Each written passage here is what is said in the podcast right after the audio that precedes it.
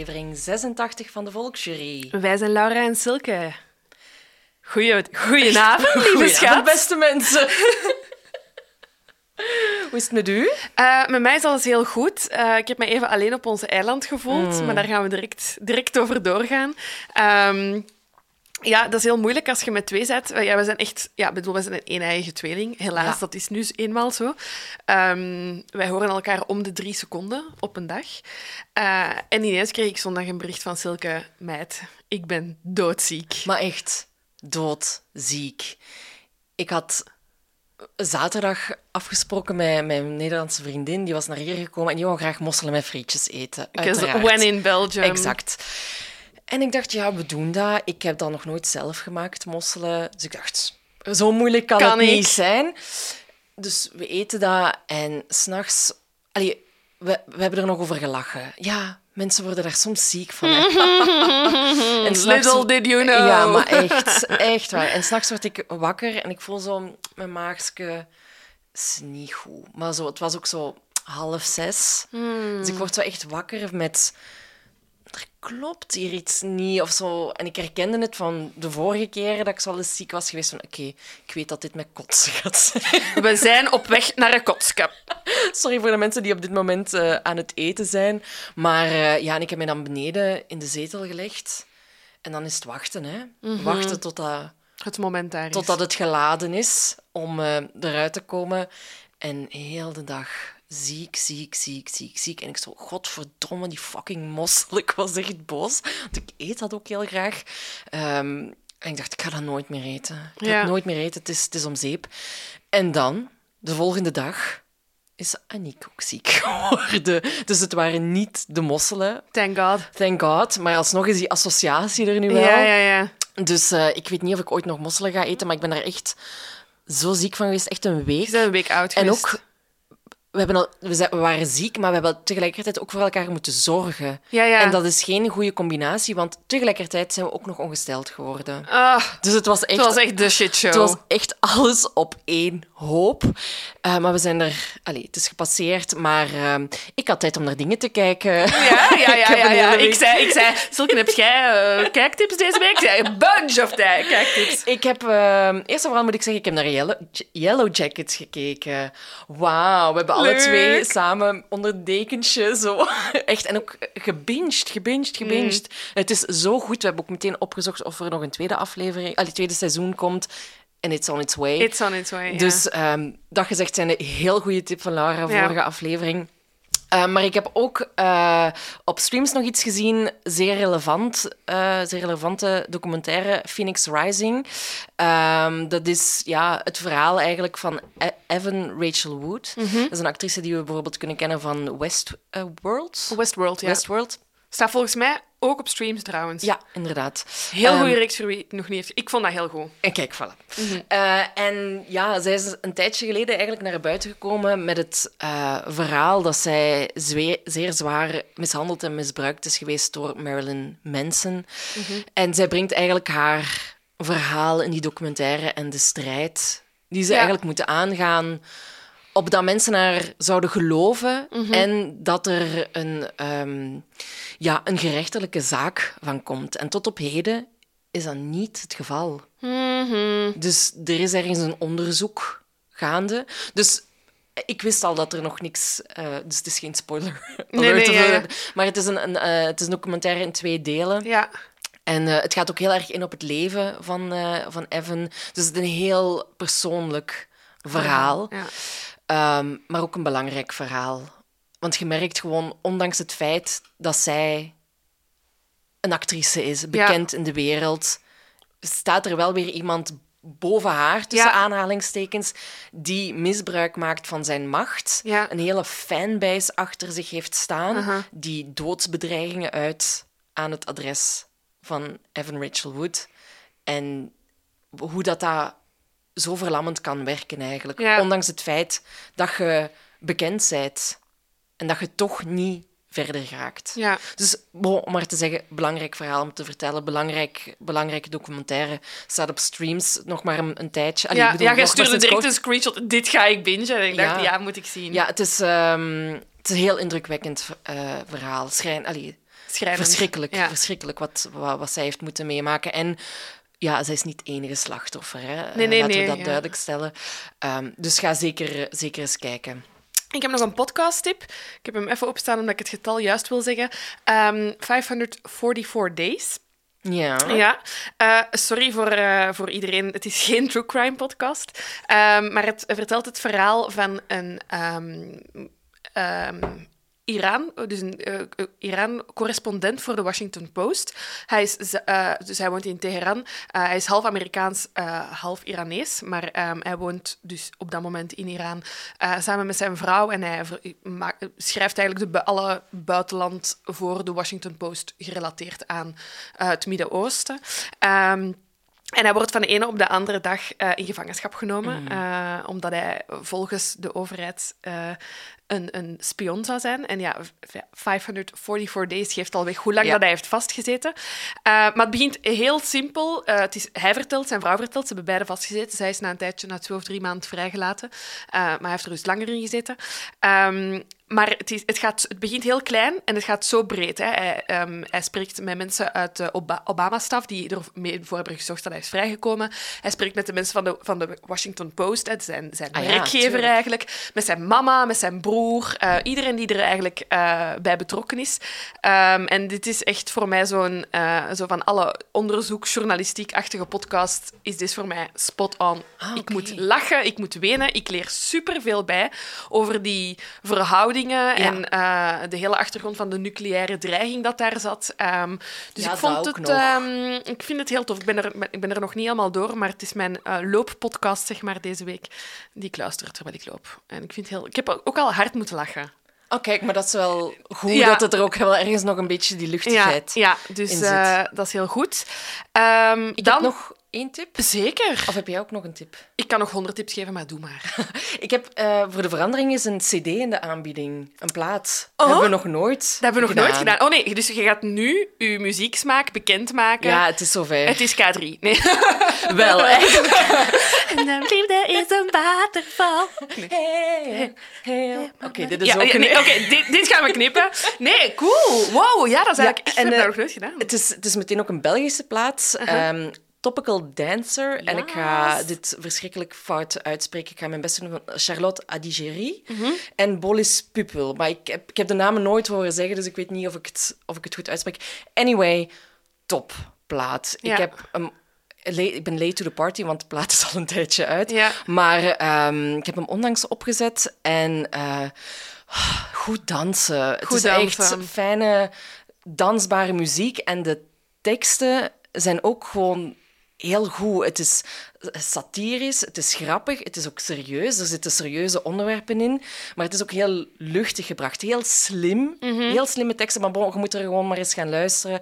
Eh, Topical Dancer, Belgische plaat, ehm, topmuziek. Oké, goeie. Voilà. Nee, vind ik, tof. vind ik tof dat we dit ook kunnen beginnen delen. Zijn er zo nog tips dat jullie willen? Tuiniertips bijvoorbeeld? Of- Het kan, ik heb deze week ook nog in mijn tuin gewerkt. Voilà, dus, kijk, ehm, wie weet. Beginnen Wordt dit zo gewoon een tip-podcast? het kan zomaar Het zijn. kan, het kan zomaar zijn. Ehm, ook een dikke dankjewel eh aan ehm HelloFresh, want ook zij hebben gekozen om nog eens met ons samen te werken.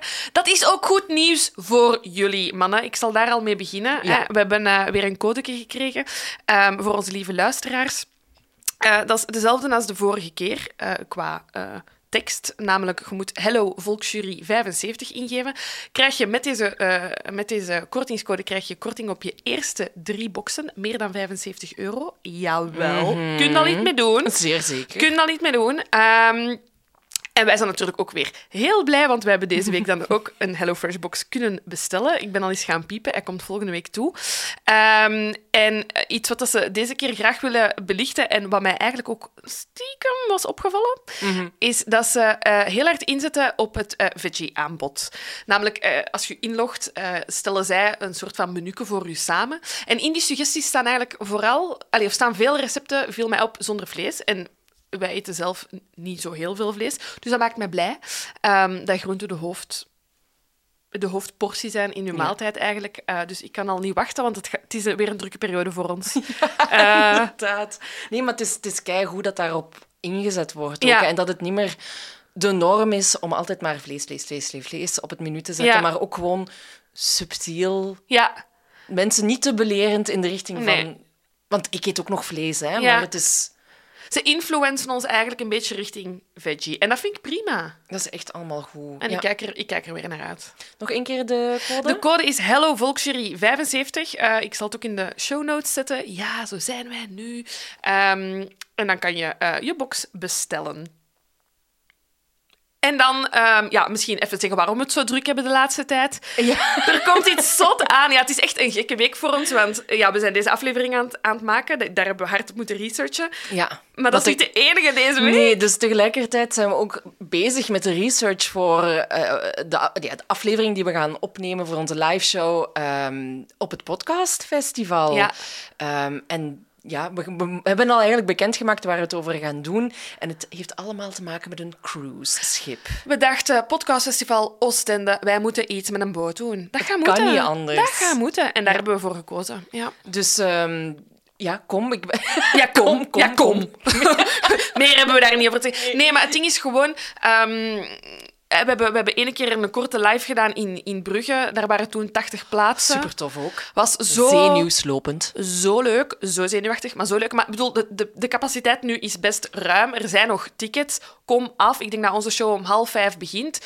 Ga- kom vroeger, ga naar andere shows, blijf plakken voor andere shows. Maar zie dat je wel op tijd bij ons in de zaal zit. Hè? Ja. Want het is, dan, dan moeten we misschien wel zeggen... Ja. Het is niet omdat je een ticket voor... Allee, je hebt een ticket voor het festival, but be on time. Ja. Gewoon voor de zekerheid, als je onze show wilt zien. Ja. Ik, wil, ik wil niet braggen om te zeggen, daar gaat allemaal vol zitten, maar gewoon to be sure. Ja, gewoon sure. to be sure. Maar het gaat fijn zijn. We gaan iedereen eindelijk zonder mondmaskers zien. We gaan jullie kunnen ja, zien gewoon naar de show, want we gaan daar nog zo wat rondhuppelen. Ehm, dus breng jullie boeken mee, totebags mee, alles wat nog gesigneerd moet worden. Ehm, ik wil billen signeren, ik wil borsten signeren. Ik, wil, ik sta open voor alles. Alles. Ja, Ja. voilà. Maar dus, er zijn zeker nog tickets, dus eh, ja, gaat ervoor. Kom af. Kom. Wordt leuk. Kom. kom. Kom. Ah, en nu, Ja. er is een moment... Jongens, ik weet dat er heel veel zijn die hier echt geen zin in hebben. Die maar dit ik- haten. die, die, die ons nu aan het ontvolgen zijn, as we speak. I don't care, want het mooiste moment van het jaar is aangebroken. De mol is terug. En er zijn al twee afleveringen geweest. En er zijn al fucking drie mensen afgevallen. I was shook. Ehm, ja, amazing. Ah, eh, maar echt... Dus de eerste aflevering heb ik gezien toen ik doodziek in bed lag. Hè. Ja. Mijn, toch een hoogtepunt op Ja. mijn eerste zieke dag was eh, De Mol. En dat begint... Ik denk dat ik het vorig jaar ook gezegd heb. Dat begint en je bent weer volledig mee. Dat maakt mij zo gelukkig, dat programma. Dat, is belachelijk. Dat is echt belachelijk, maar dat maakt mij zo happy. Want ja. ik denk de hele tijd... Eigenlijk is dit toch maar gewoon één groot scoutspel, hè? Ja, eh, ik heb, maar ik heb er dus ook een ganse theorie over. Want dus ja, Lucas, ehm, alle haters richt u op hem, want ook hij is een hater. Allee, Ah, ja. geen hater, gewoon zo, dat boeit mij niet. En dus nu heb ik een hele theorie op poten gezet, eh, want ik heb eh, een vriendin, Helene, die dan bij ons komt kijken, die ook een lover is. Zitten we daar in de zetel zo... Jee, het is de mol. En volgens mij is het dus, maar misschien dat er mensen mij gaan tegenspreken, als je de mol niet leuk vindt, heb je gewoon nooit in de jeugdbeweging gezeten. Ik ga je al tegenspreken. Nee, maar je kunt het leuk vinden en niet in de jeugdbeweging hebben gezeten. Maar ik denk, als je het niet le- leuk vindt, heb je ook Sowieso. sowieso niet in de jeugdbeweging gezeten. Dus alle scouts en Giro en andere mensen die dat hebben gedaan en niet naar de mol kijken, meld u aan. Want Ah, volgens ja? mij bestaan ze niet. Want dat is de scouts op tv. En dat is Ah, wel, geniaal. Dat is geniaal. Maar ook zo die... Ik zie ze dan bezig in die spelletjes en dan denk ik, waar ben ik nu naar aan het kijken? Maar nu, dat, dat, de spel van af, dat spel van aflevering 2 met, met, dat, met die, die obers en dan dat Ja. gerecht en dat koken. En ik dacht, maar zelfs als er geen mol is, gaat het niet lukken. Natuurlijk gaat niet niet. lukken. Maar ik vond, ik vond het heel goed gevonden. En dan ook zo die recensent die daar zat, die blogger. Ja. Dat ik dacht, oh my god. En die dat moet dat eten? Die moet dat eten. En Ook dan- zo, oh, gaan er maar rauwe eieren bij kappen en die dan te lepelen. En ik denk, oh, voedselvergiftiging. Ik denk, Toon, als je luistert, doe nooit meer gewoon rauwe eieren bij een gerecht.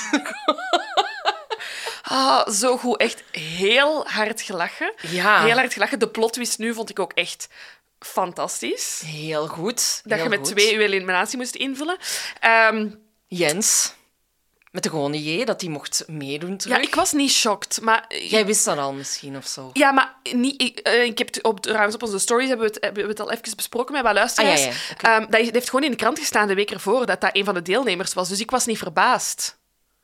Ah ja, oké, maar bon, wel blij om het feit dat hij mocht meedoen. Tuurlijk, tuurlijk. Maar het ding is, ik zag hem daar zitten en hij viel bij mij direct af als mol. Als mol ook. Die kon zo, die- dat was niet geacteerd. Ik dacht, ja, die gast die weet dat niet. Die weet echt niet dat hij in dat programma zit. Ik geloofde dat. Nee, en anders moet, eh, moeten ze meteen inschakelen voor de volgende, weet Ja, ik veel, ja. eh, film. Maar ja, hij ligt er nu toch uit. Maar dan, ja, nee, ja, inderdaad, ze kan niet acteren. Nee, dus Dat weten we niet acteren. Dat we niet, is zeker. Nee, ik vind het, ehm, ik vind het gewoon super dat, dat, dat het terug is. Het is ook op een mooie locatie. Ik denk dat er wat reisjes naar Lanzarote zijn geboekt de afgelopen weken. Ik denk het ook. Dat denk ik denk wel. het ook. Ja, en eh zeer fascinerende groep. Ik, ja, snap ik. Ja. Snap ik. Oké, ja, de verdachte? De verdachte. Jij eerst. Ja, ik heb er nog drie op dit moment, Ja. maar dat gaat nog even zo blijven. En er zijn er mogelijk een paar die ik ga inwisselen. Vanaf aflevering 1 dacht ik aan Bert, de boomknuffelaar. Mhm. Cause boomknuffelaar. Oké, valid, valid point. Ehm, ik vind dat hij... eh, dat is wel een hele goede acteur. En die krijgt de groep mee zonder moeite te doen. Bert. Op twee heb ik Emmanuel staan, Manu. Er gaat heel weinig aandacht naar dat meisje. Er wordt ook heel vaak gedaan over dat dat een receptioniste is, wat hij dus clearly niet is. hè. Die heeft ook blijkbaar een eigen zaak. Eh, die doet iets met, eh, met, met desserts. Eh, die, is, die is, denk ik... Die, die bevat veel meer dan dat ze die nu Laten zien. laten zien. Ehm, het enige waar ik bij haar en ook bij mijn, mijn derde verdachte is Jens met een Y. Het, het, Met een de handen. ja, eh, het koppeltje eigenlijk van Ja. deze week. Hè, dat zijn eh, nog twee van mijn verdachten. Eh, het enige wat ik daar raar aan vind, is dat bij, die, bij de eerste aflevering dat die in die doodskisten zaten. Ik Alle zou als hè? mol mij nooit op die plek hebben gezet. Dus of het is een bewuste tactiek natuurlijk weer om even chill te beginnen. Hè? Ja, misschien wel. Maar dat was gewoon zo het, een, het enige toen ik dat zag, dacht ik, daar zou ik mij niet bij zetten. Ah, wel. En daarom zet ik mijn pijlen voorlopig in op Sven. Ja. Omdat die hè, in de aflevering 1 als eerste naast... ehm, ik ben haar naam al kwijt, excuus. Gretel? Gre- Greta, Gretel? Ja. Ehm, hè, in de wagen zat. ja. En dat is dan natuurlijk... Nee, Philippe zat naast haar, hè? Sven- Ah nee, Sven was met de taart. Met de taart. Juist, of is het dan toch Maar Philippe? ook een goede... Ja, want hij, weet hij heeft ook zo'n roosje opgegeten, wat dan wel belangrijk bleek te zijn voor... Mhm. Maar hij heeft toch gezegd, hè? Ja, oké, maar hij heeft het wel maar opgegeten, waardoor, dat het, waardoor dat er verwarring ontstond van hebben we nu dit roosje al mee of niet meegeteld? Want je kunt het wel Ja, ja, zeggen... ja. Allee, snap je? Ehm, Dus ik vind... En ook omdat... Er is ook nog niet veel aandacht naar Sven Nee, nee. gegaan. Dus dat is ook, wel, ook weer zo... Houdt zich wat op de achtergrond. Is dat bewust? Of is het, is, is het de mol en zitten ze daarom... En dan houdt hij zich daardoor Mhm. wat meer op de achtergrond. Dus ik hou zo de stille watertjes Ja, wat in de gaten. maar Sven, Sven staat ook wel echt ergens op mijn radar. Ja, ja, Ik kan hem ook nog niet zo goed lezen. Nee, nee, want... Nee, ik heb, ik heb totaal geen idee van wie hij is als persoon nog Ja. niet. Bij alle mensen heb je zo, ja, Bert de boomknuffelaar, whatever. Ja. Je hebt al wel zo'n idee hoe gaar Bert wordt geïllustreerd. Ja, ook zo, dat is geen boomknuffelaar. hè. Dat heb ik ervan gemaakt. Die mensen werkt als boomchirurg. Wat je- ook heel cool Ja, is. een hele cool. Maar die heeft al, ik heb het gevoel dat hij al duizend levens heeft geleid en dat hij daardoor heel makkelijk kan switchen Hmm. en in een groep zich heel goed kan... Ook hoe dat hij sprak met Uma van, wij hebben een klik, wij zijn twee dezelfde Ik persoon. vond die goed gematcht. Hè? Ja, maar waren die goed gematcht omdat Bert... dat- Die, die, Ja. die ownde heel dat gesprek. Wij denken hetzelfde. En wij zijn alle twee heel vrij. En ja, wie waren uw verdachten weer? Ik, ik, dat ging allemaal zo vlot. Die babbelt zo vlot. Ja, Interessant. ja, en hij heeft dan ook zo in dat hokje lang zitten twijfelen voor die Oh, vrijstelling. ja. Die ik dacht, ja, die is tijd aan het kopen. Die is gewoon tijd aan het kopen. Hij wist dat hij als enige dat zeker ging kunnen met die stokken. En dan blijft hij daar lang staan, zodat er niemand anders kan komen. Ja, dat zijn zo wat kleine... hmm. En dan ook met dat duiken nu zo. Ja, ja, ja, ik kan dat. En dan zo niet gedoken. Ja, maar ik, ik flip daarop. Hè, want voor hetzelfde geld is dat gewoon een deelnemer die aan het mollen is om verdacht te lijken. Ja, ja. Ik flip daar zo hard Ja, op. ja. Dus ja, ik ga nu echt follow the money een keer moeten doen. Hè. ja. Maar er is gewoon echt nog geen geld verdiend, hè? Ik denk dat het 6000 euro of zo is nu. Ja. Aflevering 2 nog maar, komt wel goed. Kom aan, hè. Ja, kom aan, hè, groepje. Nee, love it. Ja, Ehm, ik ben weer, ja... Ik wil er ook met iedereen de hele tijd over praten. En er zijn heel weinig mensen die er met mij over willen praten. Goed dat je mij hebt. ja, maar dat is echt waar. We, gaan moeten- dat doen. We gaan er, We gaan nog, er nog meer over praten. nog meer in deze podcast en jullie gaan geen true crime meer horen. Voilà, dat is beslist. Keer aan de aflevering. Ja, we gaan beginnen. Eh, ik heb deze aflevering gekozen. Ehm, het is een onderwerp waar ik al heel lang iets mee wou doen. Het is een onderwerp waarvan ik weet dat Silke en ik... eh, het is tr- true crime gerelateerd, maar los van true crime is het een onderwerp waar wij alle twee mateloos door gefascineerd zijn. Echt al van kinds af aan. Van kinds af aan. Ehm, en het is iets dat ook een beetje terug is.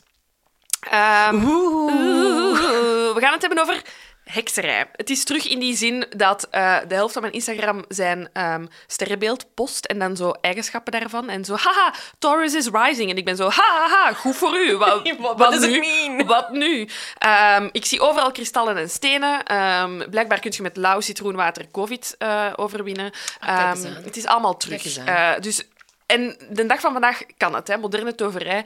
Je wordt niet gestraft als er 30 kristallen in je tuin aan het opladen zijn bij, ehm, bij volle maan. Ehm, maar dat is ooit anders geweest. Tussen 1200 en 1700, met als hoogtepunt tussen 1560 en 1650, woedden er in onze contrairen heksenjachten. Overal in Europa werden vrouwen, voornamelijk vrouwen, eh, beschuldigd van hekserij. Dat is vaak geruchten van horen zeggen, een keer iets verdacht gezien.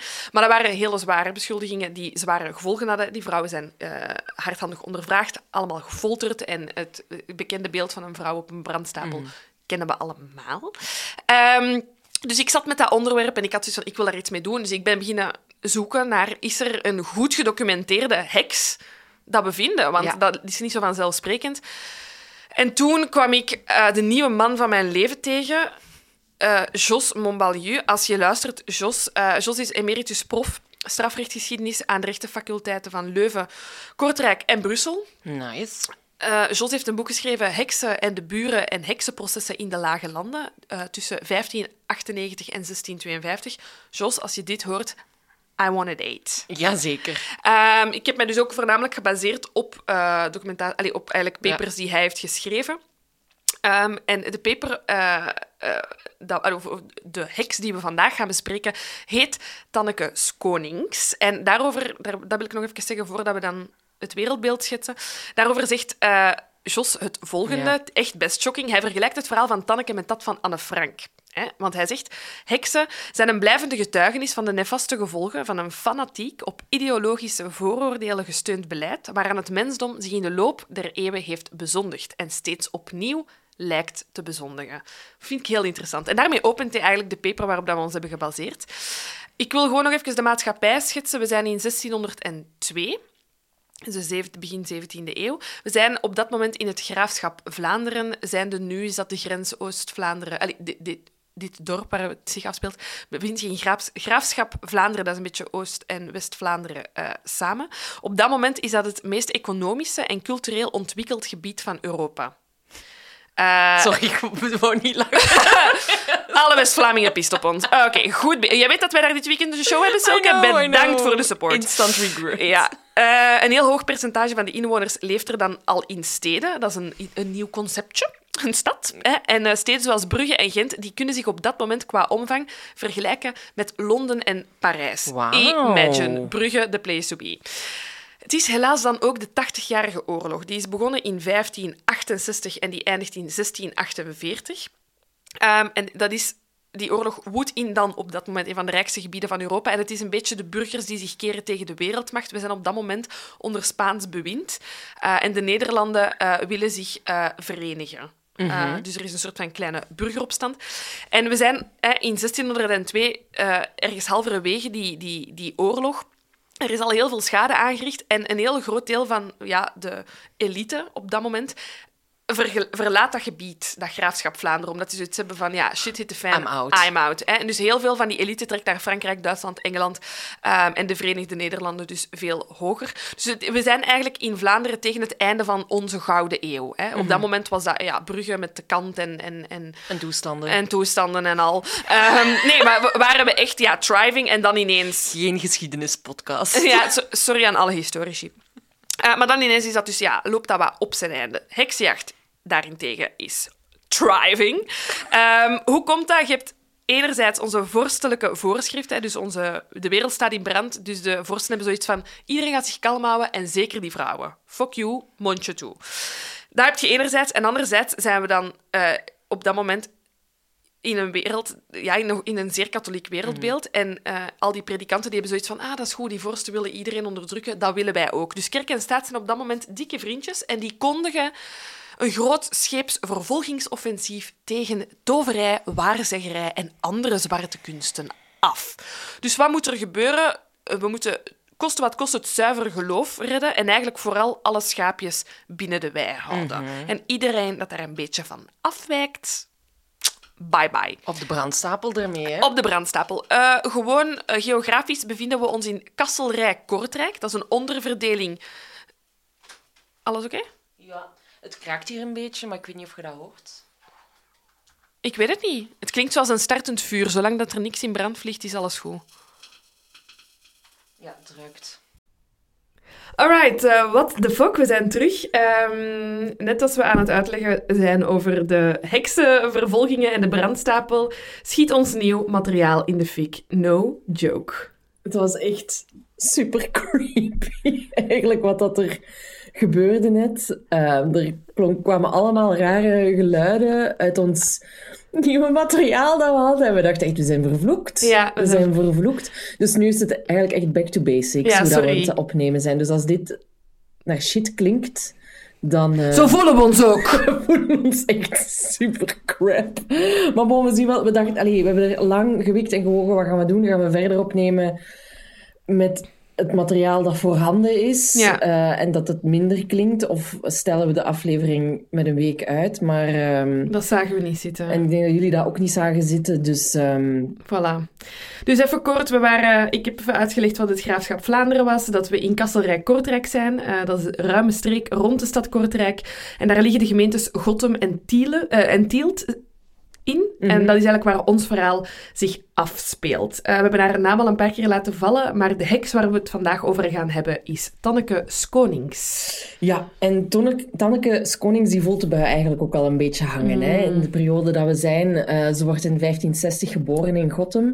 En dat dorp bestaat vandaag nog steeds. Sorry, dat klinkt toch echt als je standaard Batman-movie. Ja, maar ja, inderdaad. Ik was echt in shock. Um, voor de mensen die niet uit Gotham zelf komen, het ligt in het driehoek Dentergem, Deinze en Zulte. Exact, ja. En uh, Tanneke is getrouwd met Thomas van der Meulen en ze hebben samen vier kinderen, drie zonen, één dochter. En ze baten samen ook een hoeve uit. Ik stel voor dat dat een soort café is of ja, zo, een logement. Ja, boerderij.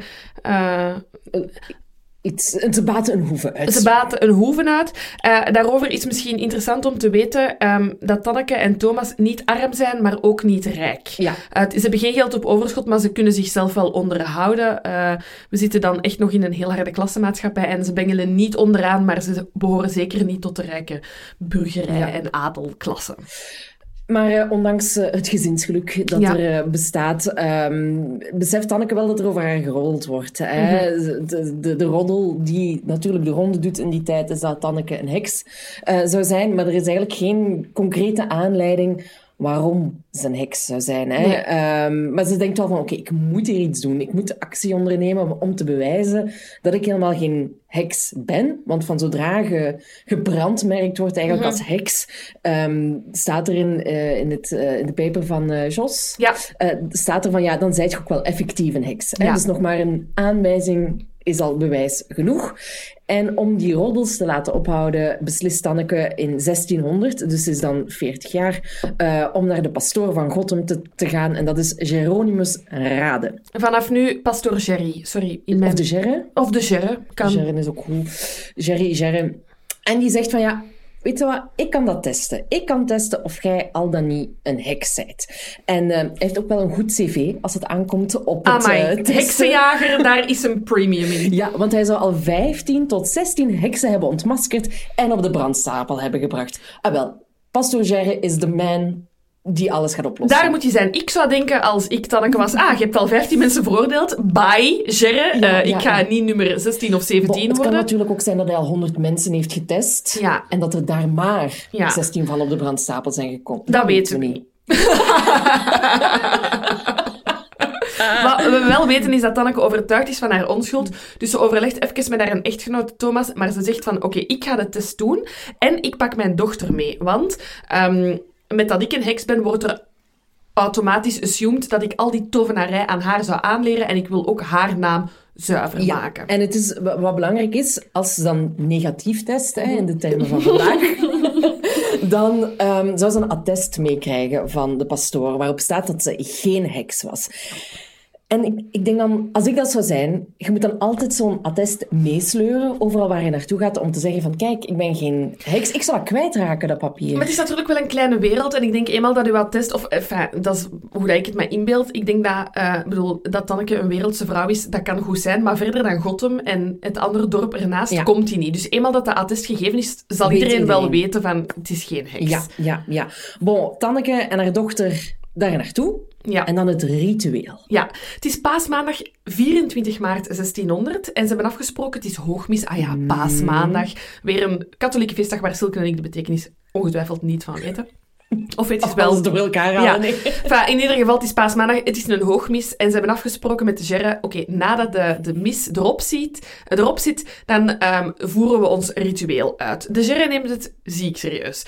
Hij sluit alle kerkdeuren van zodra iedereen de kerk uit is. Hij brengt het duo naar het altaar en hij begint allerlei gebeden op te zeggen. Een soort van exorcism gewijs. Zo lijkt het, hè? Ja, zo die vibe is het.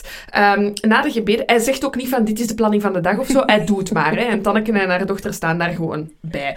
Ehm, na die gebeden schrijft hij alle namen van het hele gezin op. Eh, dus ik vermoed ook Thomas en de zonen. Ja. Waarom? We don't know. Hij schrijft die allemaal op aparte stukjes perkament. En hij zegt, oké, ik ga die in een vuurtje gooien van wierook en palmtakjes. En ik ga dat vuur aansteken met een gewijde kaars. Jesus Gerre. Er was over nagedacht. Er is over nagedacht. Het is duidelijk dat hij dat al eerder heeft gedaan. Ja, hè? hij heeft ervaring. Ehm, en hij zegt ook niet wat het eh, gevolg gaat zijn of zo. Eh, dus ze beginnen dat te doen. Ze steken dat allemaal in de fik. Hij vraagt dan aan Tanneke en doch- eh, dochter om de adem eh, van de rook in te ademen. Sorry, we zeggen ook altijd dochter, omdat we niet weten Nee, wat de naam is. Er- ze heeft ongetwijfeld een naam, maar we don't know. Dochter. Dochter en Tanneke ademen die rook in. En op het moment dat ze dan eigenlijk, ja, ik zie zo'n hele grote vuurschaal voor mij, daarboven hangen, merkt Tanneke op dat er een van de briefjes niet in brand vliegt. Ehm, Tanneke zegt daarover dat dat de naam van haar dochter is. De pastoor zal achteraf beweren dat het Tanneke haar naam Ja. is. Maar het is op zich dus niet duidelijk wie dat er op dat briefje stond. Nee, en het is ook niet dat de Gerren op dat moment zegt dat dat een probleem is of zo. Ehm, Meer zelfs, hè, er wordt gesproken dat hij daarna nog een grondig lichaamsonderzoek ja, doet. echt om te kotsen alweer. Oh. Daar is, eh, eh, een lichaamsonderzoek is zeg maar de classic ehm, dat je moet doen bij eh, ehm, het opsporen van een heks. En tijdens zo'n lichaamsonderzoek gaan ze op zoek naar duivelsmerken. Mhm. Wat dat basically eh, ja, moedervlekjes zijn, denk ik, die er een beetje raar uitzien. Het is eigenlijk een soort van ja, diagnose van huidkanker, denk ik, maar dan op zoek naar de duivel. Ehm, en Tanneke en haar dochter moeten zich volledig We uitkleden. weten ook niet hoe oud eh, de dochter is. Of hè? ze meerderjarig is, we don't know. Ehm, we weten wel dat Tanneke weigert om haar dochter eh, alleen te laten met Ja. meneer Pastoor. Zegt genoeg. Ehm, maar er wordt achteraf gezegd van ja, en ik heb al het lichaamshaar van de vrouwen eh, weggeschoren. Dat wordt dan ontkend. In ieder geval, wat wel de conclusie is, is dat de twee geslaagd zijn voor de test. Want er wordt een schriftelijk attest voor beiden van onschuld afgeleverd. Maar helaas. Einde van de aflevering. Ik was super te snel. Ik was te snel. Spoiler alert, de geruchtenmolen stopt niet. Hè? Ehm, want ja, de vraag blijft, wie zijn naam stond er op het briefje hè, dat niet opgebrand was? Ehm, en ja, zoals dat dan gaat, eh, er ontstaat weer een nieuwe roddel. Want tijdens de test zouden er plotseling honderden, honderden, Honderden. honderden uilen, uilen, honderden uilen zijn opgedoken, waarvan er sommige met hun vleugels over de kerkvloer sleepten. Ik, ik zie... ik kon het ook mij visueel heel moeilijk voorstellen. Dus ik ben de kerk van Gotham, die er, die er staat en nog altijd dezelfde is. Ik heb begrepen dat zo de toren er al stond en dat het uh, gewelf uh, tijdens een brand een keer vernield is. Maar qua oppervlakte zit dat goed. Hè? Ja, om onder de uilen binnen te krijgen. Uh, nee, nee, zit dat goed als in van toen en nu. En ah, ja, ja, ik zie het niet. Het is een hele kleine kerk. Ik ga hem posten. Ik heb er een foto van gevonden. Um, je kunt hem ook op Google Maps vinden, natuurlijk. Um, honderden uilen lijkt me straf. Ook, ik dacht dat alle ramen en deuren gesloten waren door de gerre. Hoe zijn die binnengekomen? Hekserij, hè? Ja, vre vreemde roddel. En bovendien zou Tanneke ook seks hebben gehad met de pastoor. Ze zou hem dus verleid hebben. Ja, om daar attest te krijgen. Ja. En, uh, bon, ze heeft, ze heeft haar attest, maar ja, die roddels blijven gaan. En iets meer dan een half jaar na die test van de gerre komt Gerard van der Meers en zijn vrouw Hanke. Uh, Goeie naam. In, in het, allee, die verschijnen en in het openbaar beschuldigen, beschuldigen die Tanneke dat ze een heks is. Um, daar, komt, daar komt zelfs geweld bij. Ja. Ze hebben een wilsmietje gedaan. Oh, she said it! en um, ja, Tanneke is zelfs zodanig toegetakeld dat ze een soort van chirurgijn, een soort van heelmeester, het is geen dokter, uh, moest raadplegen. Mm -hmm. En uh, Tanneke die heeft, zo, die heeft het gehad op dat moment met alle geruchten, al het geweld. Ondanks het feit dat Tanneke waarschijnlijk ons materiaal heeft behekst. Love her to death. Ja. Tanneke, you're my homegirl. En ze beslist dan om samen met uh, Thomas, haar man, een smaadproces aan te spannen tegen Gerard en zijn vrouw. Um, en toch wel heel onverwacht voor mij, ze wint dat proces. Ja. Hè? Um, Gerard en zijn vrouw, Hanke, worden op uh, 21 januari 602 veroordeeld om voor de vierschaar. En als ik het goed heb, is de Vierschaar een soort van tribune waarin ze instaan uh, ja. voor de belangrijke mensen. Het is een soort van rechtbank, ja. Exact. Um, waar dat ze blootshoofds en op hun knieën met een ongebrande kaars van vier pond was in hun handen aan God, justitie en aan Tanneke en Thomas vergiffenis moeten vragen. Ja. Die rituelen ja, love it. Ik mis Veel vragen. Veel vragen, maar ik mis ze. Snap je? Als ja. iemand... bedoel, stel u voor dat we dit Oscar-incident van Will Smith op deze manier zouden oplossen. Wauw, ja. Het zou goed materiaal opleveren. Zeker, Dus ik absoluut. voel hem wel. Ik voel hem wel. Als wij een secte zouden oprichten... Zit dit erin. Zit dit erin. Dit is er eentje van. En um, Gerard en zijn vrouw moesten dan daarnaast ook nog eens alle chirurgijnkosten terugbetalen en een schadevergoeding aan Tanneke en Thomas betalen. En ja, Gerard was natuurlijk niet blij. Maar dat komt later. Not amused. Intussen tijd uh, in de dorpjes Gottem en Wakken. Wakken is op een kleine zevental kilometer te voet oh, ja. van Gottem. Um, er, zijn, er zijn allemaal dorpen waar ik nog nooit van heb gehoord.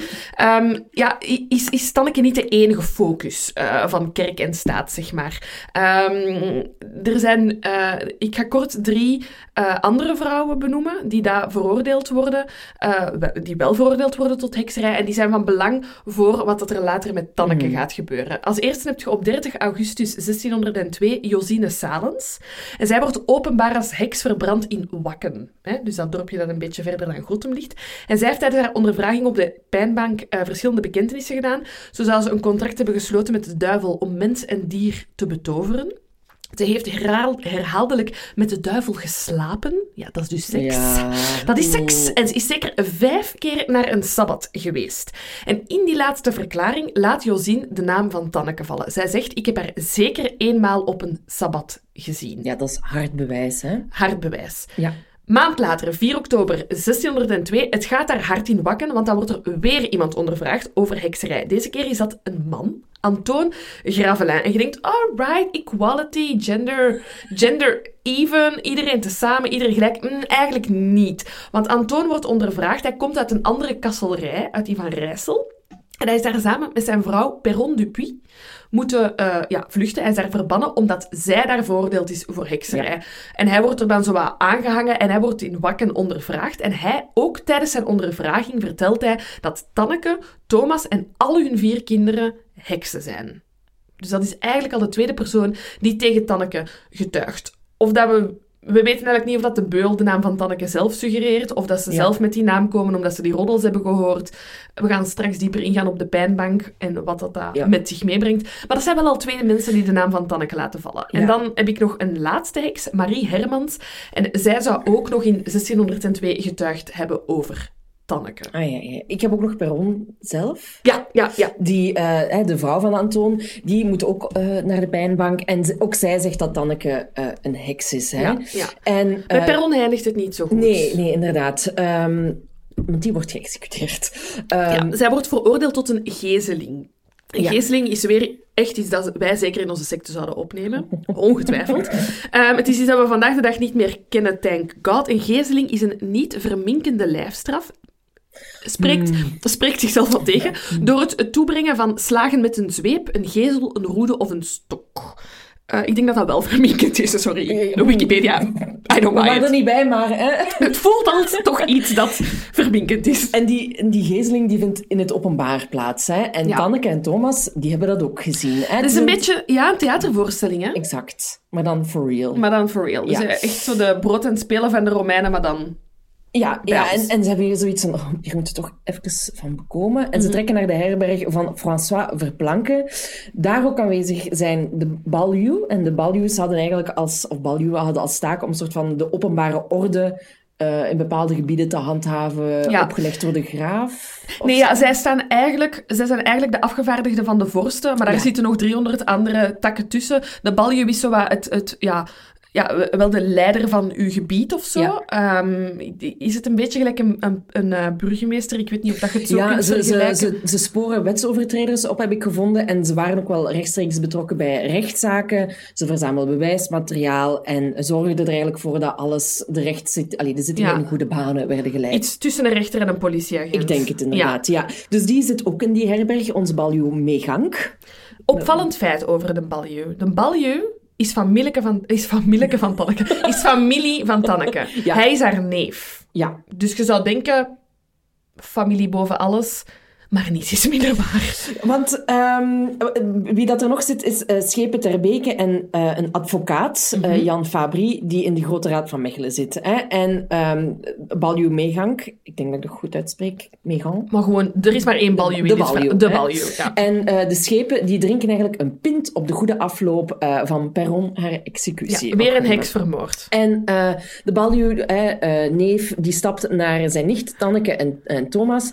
En hij zegt meisje, moeten nu eens niet iets doen aan die geruchten, want je ziet wat dat ervan komt. Hè. Ja, dat um, blijft hier maar... Ze blijven uw naam hier maar zeggen, allee, pak het aan. Ja, en weet je wat, ik heb zelf al eens een vrouw geholpen die met hetzelfde probleem zat. Mhm. En weet je wat, je moet u ter purge... purge ter purge. Ter purge stellen. Hè. Doet onmiddellijk aan Purge, de, de, de horrorfilm, denk ik. En daar komt het een beetje... Allee, ja... Het is Om een naam te zuiveren. Hè? Ja, het is eigenlijk een soort van een oproep die je dus zelf, als je eigen ter purge stelt, zegt je van oké, kijk, hè, ik weet wat jullie allemaal over mij zeggen. En dat is al, allemaal goed, dat groddel, maar nu mogen dat allemaal eens herhalen voor de rechtbank. En als je niet komt opdagen, en er komt niemand opdagen, dan wordt dat opgeschreven en dan heb ik opnieuw, hè, opnieuw een attest van onschuld. Eigenlijk het attest dat ze van de pastoor heeft gekregen zal eerder in kerkelijke sfeer zijn. En deze is dan een soort van ja, justitiedocument. Ja, niemand zal haar daar ooit nog door van tover, toverij kunnen beschuldigen. Ja, maar ja, dat zeiden ze over dat andere documentje ah. Het is dat. En de Baljuw, die is ook echt profesh. Mhm. Want die leest op dat moment in de herberg ook een soort van akte voor, mhm. ehm, die dat officieel opstelt. Hè, wat dat jij net allemaal hebt uh, gezegd. En dan zegt hij opeens, ja, Tanneke, nu is het tijd voor een arrestatie. Hè? Nu moet jij in de handboeien geslagen worden en je komt mee met ons. We stoppen nu in het gevangen. Maar Tanneke heeft zoiets van, ho, ho, ho, dit heb je mij net allemaal niet gezegd. Uh, en ja, we vergeten niet dat er daar ook een advocaat in de herberg zat. Dus Thank God voor Tanneke. Um, dus de Balju laat, laat, het voor wat het is, want er zou maar eens een, later in de rechtszaal dat er sprake gekomen ja. van, je hebt dat niet gezegd en je hebt dat rechten niet opgezegd. Ja, het lijkt zo een beetje inderdaad als je zo gelijk in Amerika wordt gearresteerd, moeten ze je rechten declareren. En hij heeft niet alles verteld tegen Tanneke. En Tanneke is intelligent en zegt van, je hebt mij niet verteld wat je mij belooft. En je zegt dat ik hier gewoon ter purge moet staan, maar je hebt nooit gezegd dat ik dan in de gevangenis moet afwachten. Maar het is wel belangrijk dat voor een geldige purgeprocedure een mhm. arrestatie nodig is. Maar dat vindt dus op dat moment niet plaats. Nee. En bon, oké, dat wordt verkondigd. Wie wil, kan een klacht gaan indienen tegen Tanneke. Uh, en de deadline is 9 december 1602. Ja, dat is de deadline van de laatste. Want er gaan er drie aan vooraf waar sowieso al niemand komt opdagen. Dus ze kondigen een eerste af voor 30 oktober, een tweede voor 13 november en een derde voor 26 november. En op die drie dagen, mensen mochten zich zowel in Gotham als in Wakke gaan aanmelden, is er niemand komen opdagen. Na die derde vraag Thomas van, ja, hoe zit het? Wanneer komt daar attest van onschuld? En dan kondigen ze die laatste deadline... Deadline? Zo stel je voor, ik zie zo'n middeleeuwsdocument. Deadline.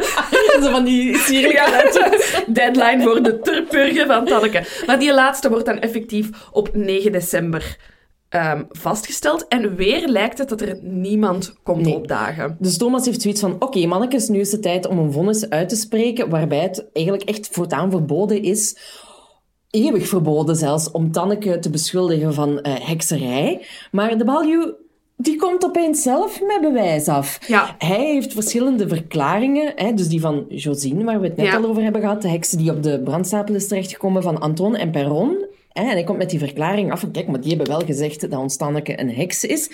En hij zegt van, ja, op basis hiervan kunnen we wel uitstel vragen. Mhm. En hij krijgt zijn zin. En um, dat is voor hem de aanleiding om een crimineel proces tegen Tanneke te beginnen. Ik heb al veel vragen. Dat is haar neef, die haar aanmoedigt om haar ter purge te laten gaan, om dan ineens zelf met bewijs te komen. Is er een motief? Ja, zeker, maar dat komt later. Dat komt later, En um, dus ze beginnen eigenlijk met een, met een eerste onderzoek. Ja. Hè? Um, en, en er komen eigenlijk opeens acht inwoners van Gotham met een verklaring uh, naar de Schepenbank. En ik heb ze kort uh, samengevat. Op, samengevat. Ja, ik ook, ja. Dus de eerste is uh, François de Meijeren. Hij zegt dat zijn zieke vrouw betoverd zou zijn geweest door Tanneke. En die info had hij op zijn beurt weer gekregen van de befaamde ontovenaar Marijn Karrebroek. Want dat is een job. Want dat is een job. Ja, ik heb niet gevonden wat een onttovenaar is, maar het zou, ik denk dat het te maken heeft met witte magie, zwarte magie. Ja, en het zal ook wel inderdaad zijn, veel mensen zullen soms onverklaarbaar ziek zijn. Later zal het blijken dat die kanker hadden, maar dat wisten ze toen nog Ja, niet. ja. En die mensen zullen gezegd hebben, ah, van de een op de andere dag ben ik ziek geworden, ik ben betoverd. En dan zal er een ontovenaar komen om die proberen beter te maken. Omdat ze waarschijnlijk de ziekte beschouwen als tovenarij, terwijl het ja, gewoon ja, ziekte is. En dan is er Jan van Hey, die bevestigt het verhaal van onze François en zijn vrouw. Dan is er eh, een zekere Pieter en die zegt... Tanneke is een waarzegster. Die is hier bij mij dingen allemaal komen... En dat is allemaal uitgekomen. En dat is allemaal uitgekomen. Mhm. En dan is er Jacques Adams. Die zegt dat hij Tanneke op een gegeven moment om 11 uur s'avonds uit een beek zag kruipen. En toen hij haar vroeg wat ze, wat ze daar deed, zei Tanneke dat ze op zoek was naar een van haar kinderen. Kan gebeuren, hè, dat die kind dronken van de herberg komt ergens in een beek. Jij ziet dat heel visueel voor u. Ik zie die echt uit die beek komen. Met zo'n grote pullen bier zo. Maar ik ben dronken, mama. Naar binnen, naar binnen, naar binnen. Ah, wel, maar ze heeft dus ook zitten roepen. Hè? En, Naar binnen. en, en die Jacques die zegt, vind ik allemaal heel raar. Dus die is, hè, dat is zijn verklaring. Een vrouw alleen na 11 uur s'avonds.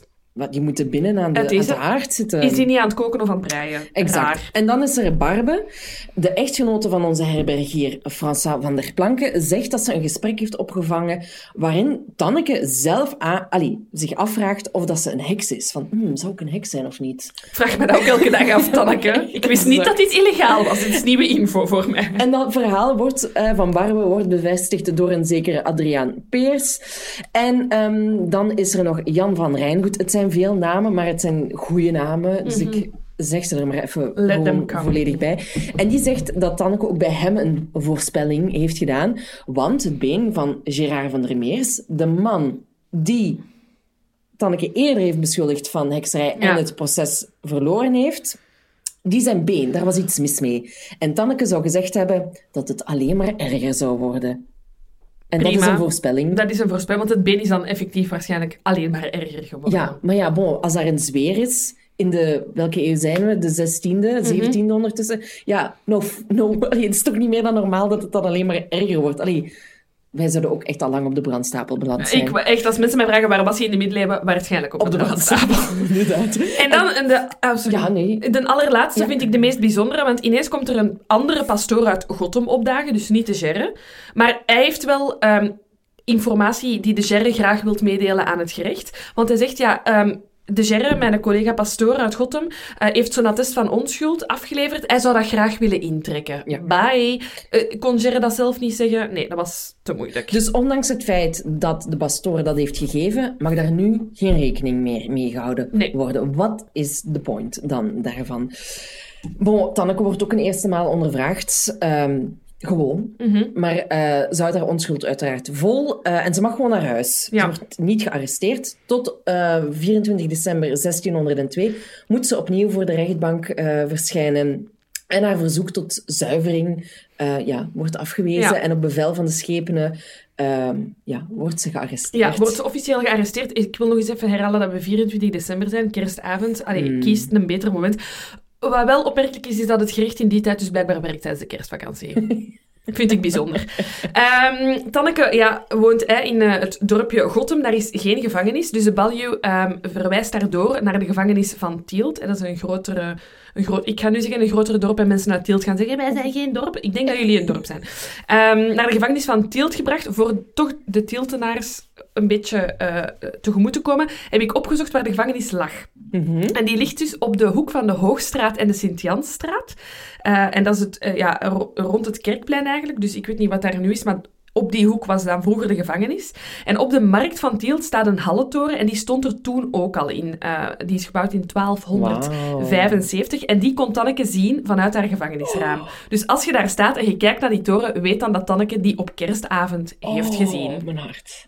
Ja, Oh, en de Balju, die, is- die heeft ook hè, onderbouwd de arrestatie. Die heeft, er zijn echt voldoende bewijzen dat Tanneke een duivelse heks is. Want, zo zegt hij, er was de verklaring van Josine Salens, waaruit blijkt dat Tanneke toch wel één sabbat heeft bijgewoond. Dan wordt ze ervan verdacht Gérard en, zijn vrouw, en de vrouw van François de Meijer betoverd te hebben. En ehm, de moeder van Tanneke zou ook een heks zijn geweest. Of daar alleszins van verdacht Ja. zijn geweest. Hè? Dus, zegt de Baljuw, er zit niks anders op dan dat we Tanneke tot de vuurdood veroordelen. Of minstens bij tu- tussenvondens tot een ondervraging op de pijnbank. Dus weet je, dit zou echt allemaal niet voldoende bewijs zijn Nee. om iemand te arresteren. Het Nee. is... Ja, het is echt gewoon van iemand heeft iets over u gezegd. Prima, jij bent een heks. Dat is toch ongelooflijk, ja. Maar Tanneke laat zich niet zomaar doen, hè. Nee. Die laat zich bijstaan door een advocaat. Zalig, Ehm, echt want love her. Wat dat we wel weten over Thomas in ieder geval, is dat hij niet kon schrijven of lezen. Dus ik denk ook niet dat Tanneke dat kon, maar ze laat zich gelukkig goed omringen. En ehm, ondertussen is het nieuwjaar geweest. We zitten in 1603, 20 januari. Ja, laat ze eigenlijk optekenen dat eh, de purgeprocedure en de arrestatie die daarop gevolgd zijn nietig zijn, omdat de Baljuw haar had voorgelogen. Hè? Ja. Hij had niet gezegd dat ze gearresteerd zou worden op dat moment. En hij heeft eigenlijk totaal niet ehm, open kaart gespeeld over wat de daadwerkelijke gevolgen zouden zijn Nee. van die ter Ehm, ja, en ze werd ook niet, natuurlijk niet onmiddellijk aangehouden, wat wel een vereiste was voor... Om een juiste terpurgestelling. Exact. Het is En- tijdens die ondervragingen Ja. dat eh, Tanneke ook voor het eerst eh, haar mening geeft over de feiten en zegt waarom dat ze denkt Mhm. dat een balju, godverdomme haar neef, zo achter haar zit. En zij zegt van, kijk, ehm één, hij is uit op mijn centen. Die hoeve staat op mijn naam. Ehm Jee, trouwens, wat een Ja. feminist met haar eigen hoeve, dat dat niet van haar man is, maar van haar. En ze zegt, ja, kijk, en weet je, er is ooit een incident geweest, ik heb hem afgewezen op seksueel vlak. Ja, want hij is je neef en hij heeft dat slecht verteerd. En dat is waarom hij nu achter mijn veren zit. Ongelooflijk. Ja. En de andere beschuldigingen weerlegt ze ook allemaal. Ja. Hè? Eh, er zijn veel mensen jaloers of zijn uit op wraak, zoals onze Gerard. Ehm, of hè, er zijn ook mensen die uit zijn op hebzucht. Allee, dus weet je, het, het minste kan al ervoor zorgen dat je dus voor de rechter moet verschijnen. Hè? Een buurruzie en iemand zegt Als van... ik voor elke roddel voor de rechtbank zou moeten komen, Mm, ik jezus, ik was al vijf keer levenslang. Ja, ik weet het, ik weet het. Maar, ik, Ook zo, ik weet het, Laura, jij roddelt veel. maar ik spreek ook voor mezelf. Ik zou ook echt zo voor het minste al eh, in de gevangenis zijn terechtgekomen. Maar wat ik wel opmerkelijk vind, is dat ehm, Tanneke wel zegt dat ze gelooft dat Josine wel een heks is. En dat er daarom geen geloof mag gehecht worden aan de verklaring van Josine, omdat dat een dienares van den duvelen is. Maar ja, zou dat ook niks te maken hebben met wat haar advocaat zegt? Kan hoor, maar ik denk... Weet je, het is niet omdat je beschuldigd wordt van hekserij dat je daarom niet gelooft in heksen. Ah ja, zo. Nee, dat denk ik ook wel. Dus ik denk dat zij er wel echt van overtuigd is dat, er heksen dat zijn. Ja. terecht op de brandstapel. Ze zijn ook naar die executie gaan kijken van Perron. Ja. Dat zal ook wel geweest zijn van, ja, goed, weer een heks minder. Maar ho, ho ik, ik ben, ben, er geen. Nee, nee, ja, dat kan. Dat kan. Dus dat is... Uh... En uiteindelijk komt de bal nu met nog eens vier verklaringen af. Um, waaronder nog eens eentje van Gerard. Mm -hmm. En die zegt hoe dat... Allez, met die drie andere verklaringen, hoe dat ze Lieve, de zoon van Tanneke, uh, hebben horen zeggen dat, er, dat Tanneke aan hem had verteld hoe dat er een grote rat over haar been had gelopen en dat die zodanig sterk was dat die rat het bed met Tanneke in had kunnen opheffen. Maar dat heeft, ja, dat had de Gerard weer gehoord. Dat had de Gerard van Lieve, de zoon van Tanneke, gehoord. Oké. Okay. Um, ik heb uiteindelijk dat ze in februari nog een keer wordt ondervraagd en dat er dan ineens ook nieuwe bewijzen uh, worden voorgelegd waar dat ze zich over moet verklaren.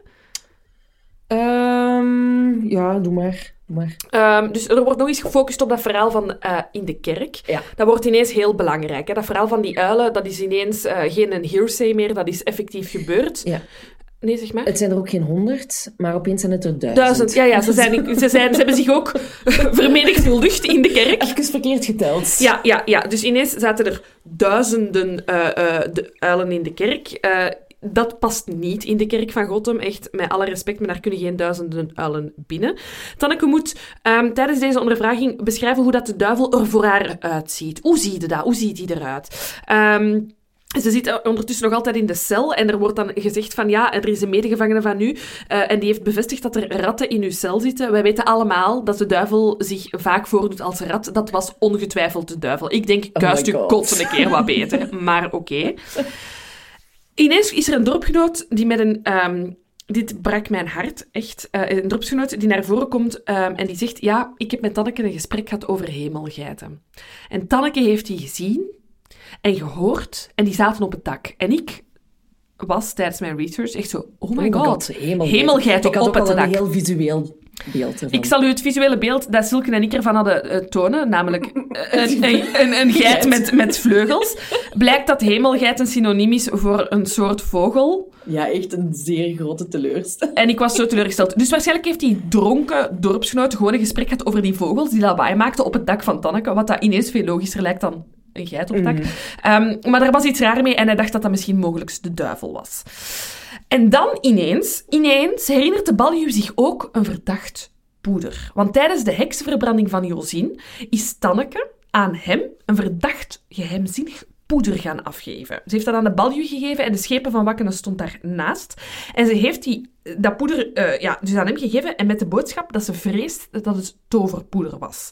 Mm -hmm. Voldoende bewijs, Tanneke is toverpoeder aan de baljuw gaan geven. Als het toverpoeder was van Tanneke, dan had ze dat toch niet aan de baljuw gegeven en gezegd, ik denk dat dit toverpoeder is. Ja.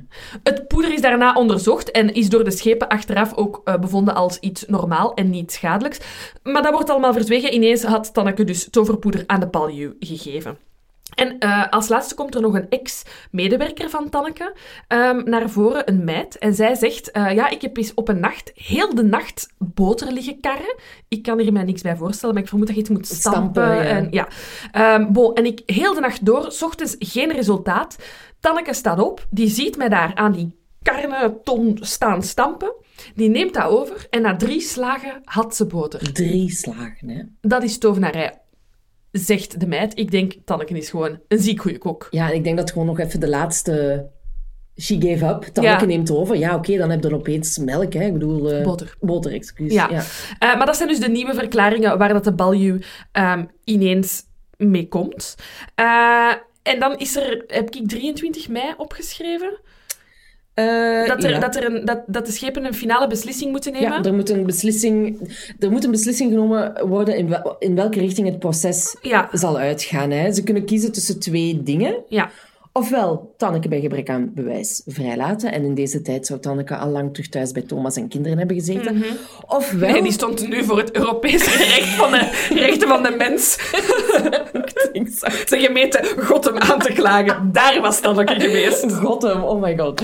Ehm, en ofwel veroordelen ze haar tot een ondervraging op de pijnbank om een bekentenis te krijgen. En die bekentenis is nodig om de doodstraf uit te spreken. En boy, that escalated quickly. Die schepenen dat is iets van... Nice, pijnbank, doen we. Ja, want ze hebben ook nog wel advies ingewonnen, onze schepenen, bij vijf advocaten bij de Raad van Vlaanderen. En dus op 23 mei 1603 kiezen ze op, gebaseerd op het advies van de advocaten voor de laatste mogelijkheid dat Tanneke haar lichaam nog eens moet onderzocht worden op duivelsmerken en dat ze op de pijnbank moet. Oké, een pijnbank, jongens, ehm, is geen, geen bank, maar is eigenlijk een soort van folterkamer. Ja. En uh, elke marteling start blijkbaar op dezelfde manier. Een beetje wat dat onze pastoor uh, Gerre ook heeft gedaan. Namelijk een lichaamsonderzoek naar duivelsmerken. Um, de persoon die dat de, de, speeltuin van de pijnbank zeg maar, bedient, is in dit geval beul Boudewijn Waalspek. Um, het is een gevreesde beul, want hij heeft al onze voorgaande heksen ook onderzocht. En ja, was zo de go-to beul. Beul, ja. um, wat trouwens bijzonder is, wist je dat een beul, net zoals een notaris, uh, van vader op zoon overging? Dus je had geen keuze. Oh my god. Vroeger? Oh my ja, je werd gewoon sowieso beul. Zo, stel je voor dat je zo de meest empathische persoon bent. zo wij. Ja, zo wij zo. Jij bent nu beul. Fuck! Fuck! Ik wil dit.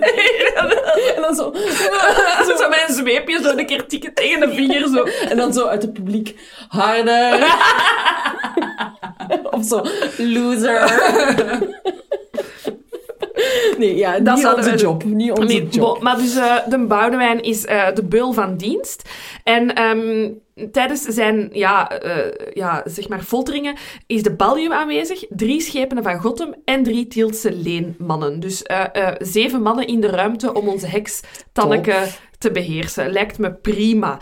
Dus tijdens die eerste onderzoeken eh, over haar lichaam op zoek naar duivelsmerken hebben ze twee verdachte vlekken aangeduid. Eén op haar hals en één op haar schouder. Moest ik de duivel zijn, zou ik dat iets beter verstoppen.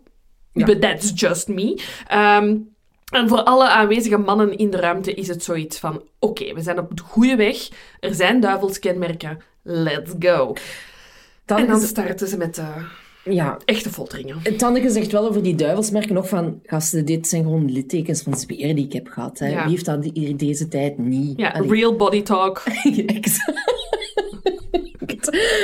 maar bon, de folteringen gaan uiteindelijk eh, van start op 25 mei eh, 1603. Mensen die gevoelig zijn, let op en skip misschien een beetje door, want het is heel expliciet. Ja.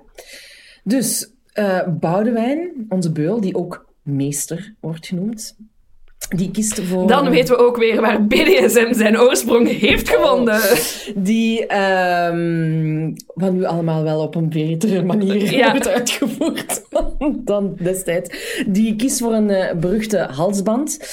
En in die tijd, eh, zo omschrijft Jos het, eh, het meest doeltreffende instrument om iemand mee te folteren. Hoe gaat het in zijn werk? Ja, de, echt, eh, de halsband heeft, ja, die heeft een soort van pinnen langs de binnenkant. Ja, zo wat dat punkers dragen, maar, Maar dan omgedraaid. Ja. Oh.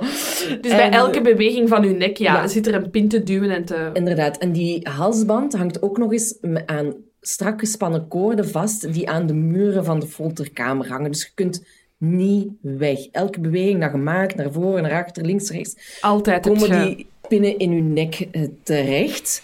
En dat zijn ijzeren pinnen trouwens. Hè. Ehm, en naast de halsband zit Tanneke ook nog op een draaipekkel. Dat is eigenlijk een... Een, een driepikkel. Ik lees dat en ehm, de, de, de scouts zien mij zo... Ah ja, een driepikkel, dat gebruiken wij heel vaak. Dat is echt zo een van de meest gebruikte shoringen. Namelijk drie...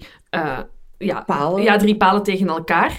Eh, maar op die drie palen is een, wel een, een stoeltje aangebracht, maar met een scherpe punt. Dus je gaat daarop zitten. Ja, ik moet er geen tekeningsje bij maken. Ik zal wel een foto posten ervan. Eh, maar je wordt dus eigenlijk op die punt van die driepikkel gezet en ja, gezakt stilletjes naar beneden.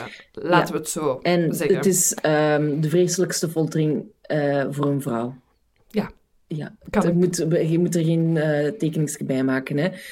Um, en terwijl Tanneke gefolterd wordt, worden er eigenlijk de hele tijd vragen op haar afgevuurd. Hè. Ja. Um, zal ik die even doornemen? Ja, heel goed. Um, dus en het gaat ook over de, de, de, ver, de, verklaringen die eerder zijn afgelegd. Hè. Dus het zijn in totaal uh, twaalf vragen die tijdens die foltering aan haar gesteld wordt. 1. Ben je al dan niet met Josine Salens gaan dansen op de vergaderingen met de vijand? 2. Hoe heb je de vrouw van François de Meijer betoverd?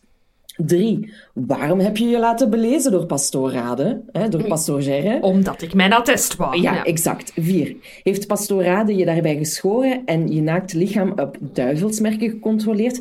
Wat moet je daar ook op, op zeggen? Want ja. zowel ja is fout, zowel nee is fout. Ik bedoel... 5. Heeft pastoor Rade toen met jou geslachtsverkeer geha gehad? Heeft hij jou verkracht? Ja. Ik bedoel... Maar ook, dit lijkt toch ook echt zo de vragen om zo in de dag allemaal te posten. Oh, echt heel raar. Ja. Zes. Van waar en waarom kwamen die uilen in de kerk van Gottem? Ja. Zeven. Heb jij je dochter reeds leren toveren? En dan denk ik, het kind heeft toch ook haar attest gehad? Telt niet. Telt, Telt niet. niet. Bon, wij zijn hier de vragen voor Tanne. Ja, we beantwoorden in jouw plaats. Acht.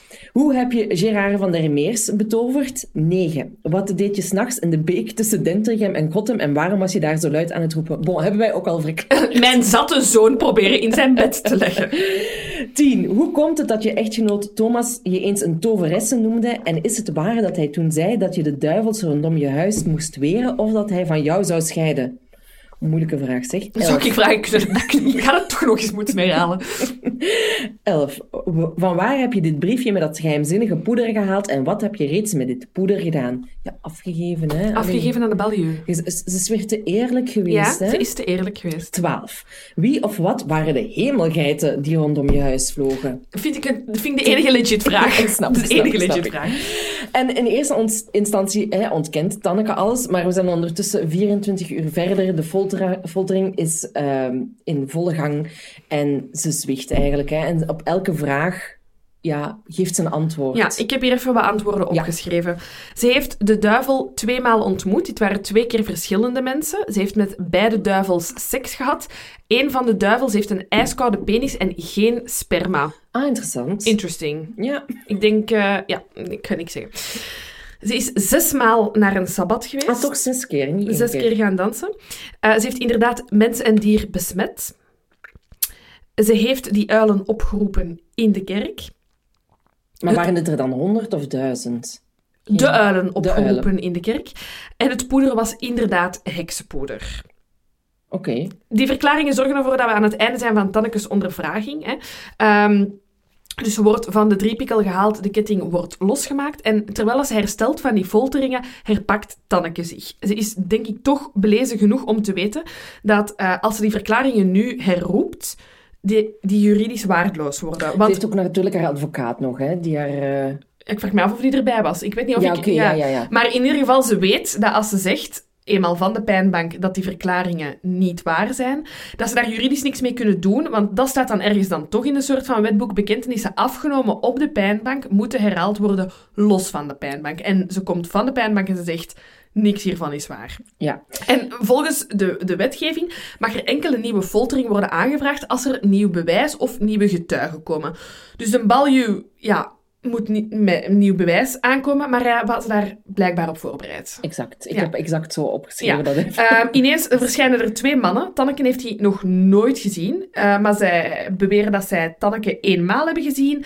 Ehm, de verklaring is iets van dat Tanneke bij hen thuis is geweest, daar iets heeft verteld, maar het is... eh, Ze, ze had de vrouw des huizes willen aanraken, of he- heeft er heel veel moeite voor willen doen om die vrouw aan te raken. Dat is gelukt. En oh godtekes, die vrouw is na Tanneke haar bezoek ziek geworden. Ja. Ehm, maar er is geen bewijs. Die mannen Nee. komen dat gewoon... Ik denk, de Balju is het eerst beste café binnengegaan. Heeft gezegd, wie wil er 5 euro? Allee, Ja. geen euro, maar wie wil er goud? Stukken of zo? Met wat betaalden we toen? hè? Dat. Eh, kunt je eens even iets komen vertellen eh, dat ik eerst in je oor fluister? Maar in ieder geval, ja, het is voldoende, want het, zijn, het is nieuw bewijsmateriaal, Mhm. zeg maar. Dus Tanneke eh, wordt veroordeeld voor een tweede sessie op de pijnbank. Ja, En ehm, dat is opnieuw met de halsband. En deze foltering duurt maar liefst vier dagen en vier volle nachten ook, hè, op een rij. En uh, ja, Tanneke blijft in eerste instantie alles ontkennen. Hè. Maar uh, ja, door uitputting, door de pijn... Allee, ik, ik, kan het me niet eens voorstellen. Ik wil het mij niet voorstellen. Nee, begint ze te hallucineren. Ja. En, um, Sorry, ik heb, ik heb opgeschreven wat ze ja, Het is zo goed.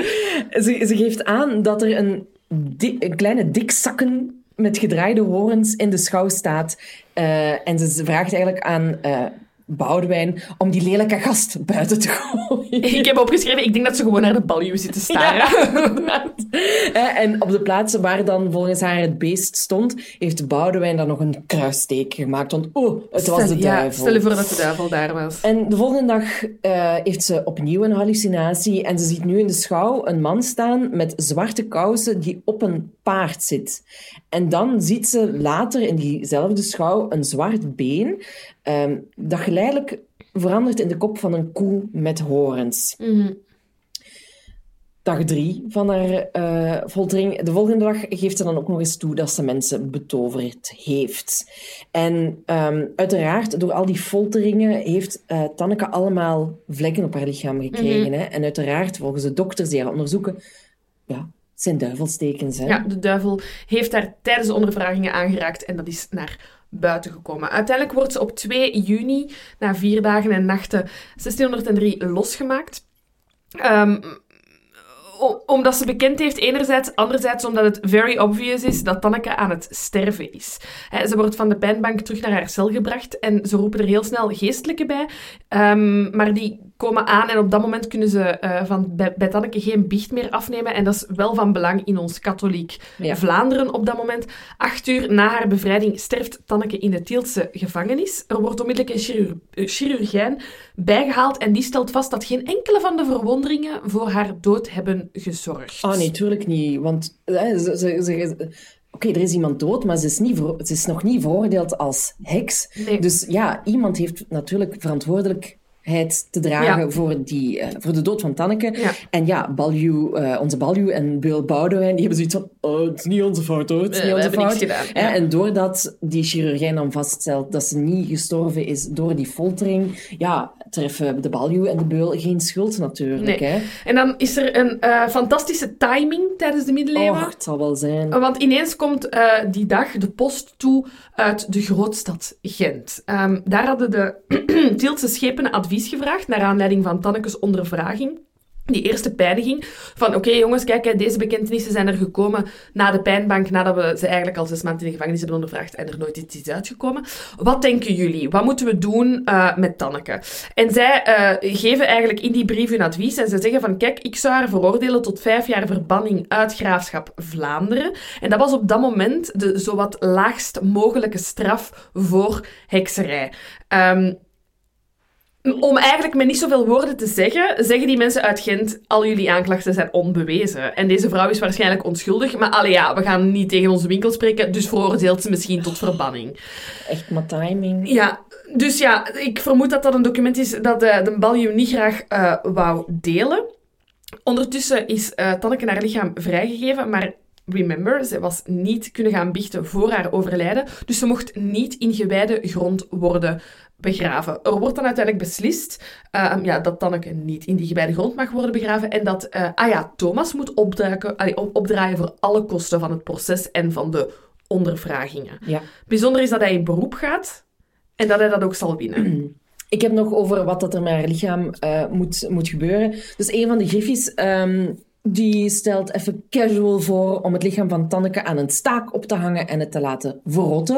Um, dan ziet het Allee, dan heeft Torp, het Torp ook nog iets aan ja, gehad. Ja, weet je, we doen dat toch al bij mensen die zelfdoding plegen, dus... Allee, kan er zo bij, we, we, we, we hebben geen, geen brandstapel gehad. Je moet het... Give the people what they want, hè. Exact. Dat is wat dat ze Exact. Ja. Bon, er is toch enige twijfel bij de schepenen, to stake or not to stake. Mm -hmm. En um, de advocaten worden weer geraadplicht. En dan denk ik, kunnen die schepen nu zelf niks beslissen? Er, er, is nog niks veranderd op vlak van justitie en politiek. Ja, en uh, onder, ja, uiteindelijk wordt ze dan uh, toch gewoon begraven in, uh, in ongewijde uh, grond. Um, en dan inderdaad wordt het van Thomas met de proceskosten en die heeft zoiets van...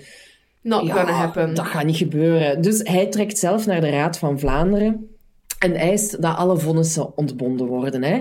Ook zodat de Balju zijn geld niet krijgt. Want ondanks het feit dat Tanneke niet veroordeeld is geweest, aast de Balju nog steeds wel op haar erfenis. hoeven en haar erfenis inderdaad. Um, het eindvonnis is niet bewaard gebleven, maar um, er wordt toch gedacht dat Thomas heeft gewonnen. Dik tegen de zin van de balju, ja. uh, uiteraard. Um, want uit, ja, zo heet dat dan, de staat van goed van Tanneke blijkt eigenlijk dat er geen aanrekening is geweest van de kosten van Tanneke haar proces of op die van Thomas. Maar um, Thomas zou ook geen schadevergoeding hebben gehad voor ja, de moord eigenlijk op Tanneke. Um, want anders zou dat ook opgenomen zijn in zijn staat van goed. Ja. Ik heb nog een samenvatting van de Jos.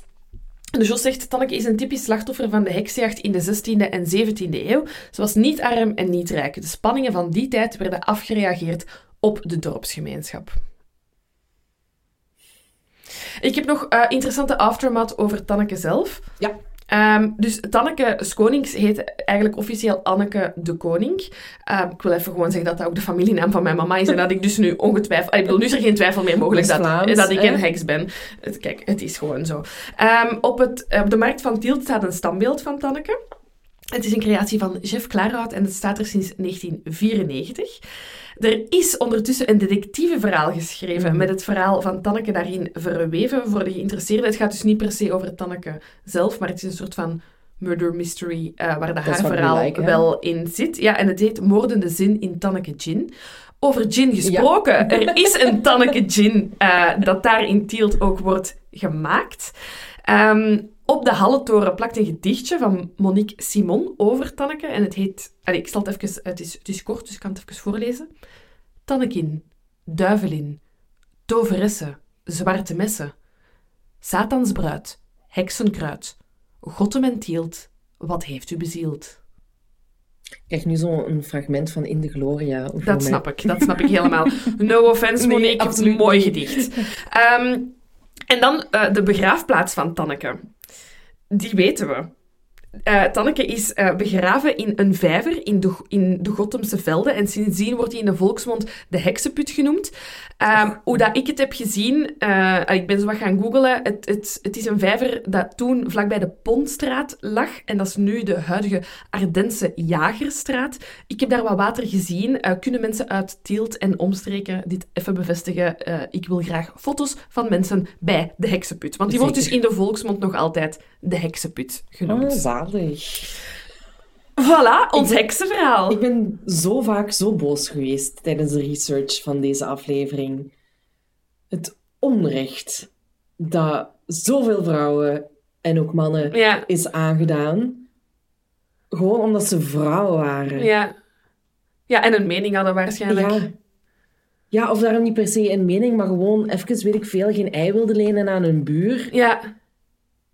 En dan... Ja, en ook gewoon inderdaad, dat is, allee, dat is best een lange periode, maar dan dat hoogtepunt dan van 15 iets tot 16 iets, dat is echt ja, een, een dikke 100, 150 jaar, dat alles wat dan niet in de pas liep, ineens een heks was. Ja. Dat is crazy gewoon. Dat is echt crazy. Ik bedoel, dat is echt bijna een dictatuur waarin dat wij leefden en we hebben het gewoon nooit geweten. En ik vind het dan ook opmerkelijk dat dat op een gegeven moment ook gestopt is. Snap je dat? Dat zo mensen dan opeens toch het licht hebben gezien. Maar ja, volgens mij, ik bedoel, ik, en ik ga waarschijnlijk veel mensen tegen de borst stoten, maar gaat, valt dit niet samen met zo reformatie en contra-reformatie en ja dat, ja, dat we zo wat zich tegen de kerk hebben gekeerd toen, toch? Dat is eh, de beeldenstorm en, en zo wat tegen het, heilige, het heilige huis. Want ik ben er zeker van dat justitie en, en, en de machten daar veel te maken mee hadden, maar het, het, het merendeel vertrok toch vanuit meneer Pastoor. Ik denk het ook, ja. Uh, ja, het geloof was aan het wankelen. Hè. voor het eerst begonnen mensen ja, na te denken. Mm. En, en, en had je... Ah, nee, ik bedoel, mensen dachten altijd na. Sorry. Sorry, alle middeleeuwse mensen. ze moesten maar eens luisteren. ik heb altijd wel schrik dat Tanneke mij gaat beheksen. Heeft ze al gedaan. Heeft ze al gedaan. Nee, maar ik vind het, uh, ik vind het zo'n interessante tijd. Ja, absoluut. Um, en zo, zo cool. Dank u, Jos, nogmaals, om hier zo uitgebreid over uh, te Wat een berichten. zalig onderwerp om papers over te schrijven. Ah, maar, maar ik, heb, ik heb zijn boek opgeschreven en ik ga dat echt sowieso lezen. Moet je Het is echt iets dat me enorm interesseert. Ehm, dus ja, jullie heksenverhalen, laat ze komen. Ik wil het wel echt En lezen. of dat je afstammeling bent van een heks, of dat je dat weet. Ja, ja of dat je een ander heksenverhaal eh, kent. Ja, deze was hetgeen waar ik het meeste info over heb gevonden. Ik Ja, vind en ook het... wel eh, eh, cool dat het een, een Vlaamse heks is. Ja. Dat het, eh, want je hebt dat natuurlijk ook in Salem. Ja, ja, hè. tuurlijk. In Amerika heb je heel veel Maar, verhalen. ehm, heel, heel fascinerend om een verhaal van hier te kunnen vertellen. En, het, en Tanneke toch een beetje levend te houden. Tanneke, we love you. Echt, may she rest in peace. Amai, die een heksenvijver. Ik, ik, wil, ik hoop, als ik ooit in Tielt ben, ik ga dit niet er vergeten, naar het gehucht Gotham. En dan ga ik een keer eh, lachen aan de vijver. Dat is goed. Voilà. Sorry jongens voor het eh, even disturbing eh, materiaal switch kut. En eh, ik hoop dat we jullie allemaal zien dit Ja. weekend. zou fijn zijn. Ja, ja, ja. ja. En En, dan horen we jullie over twee weken. salutjes. Bye.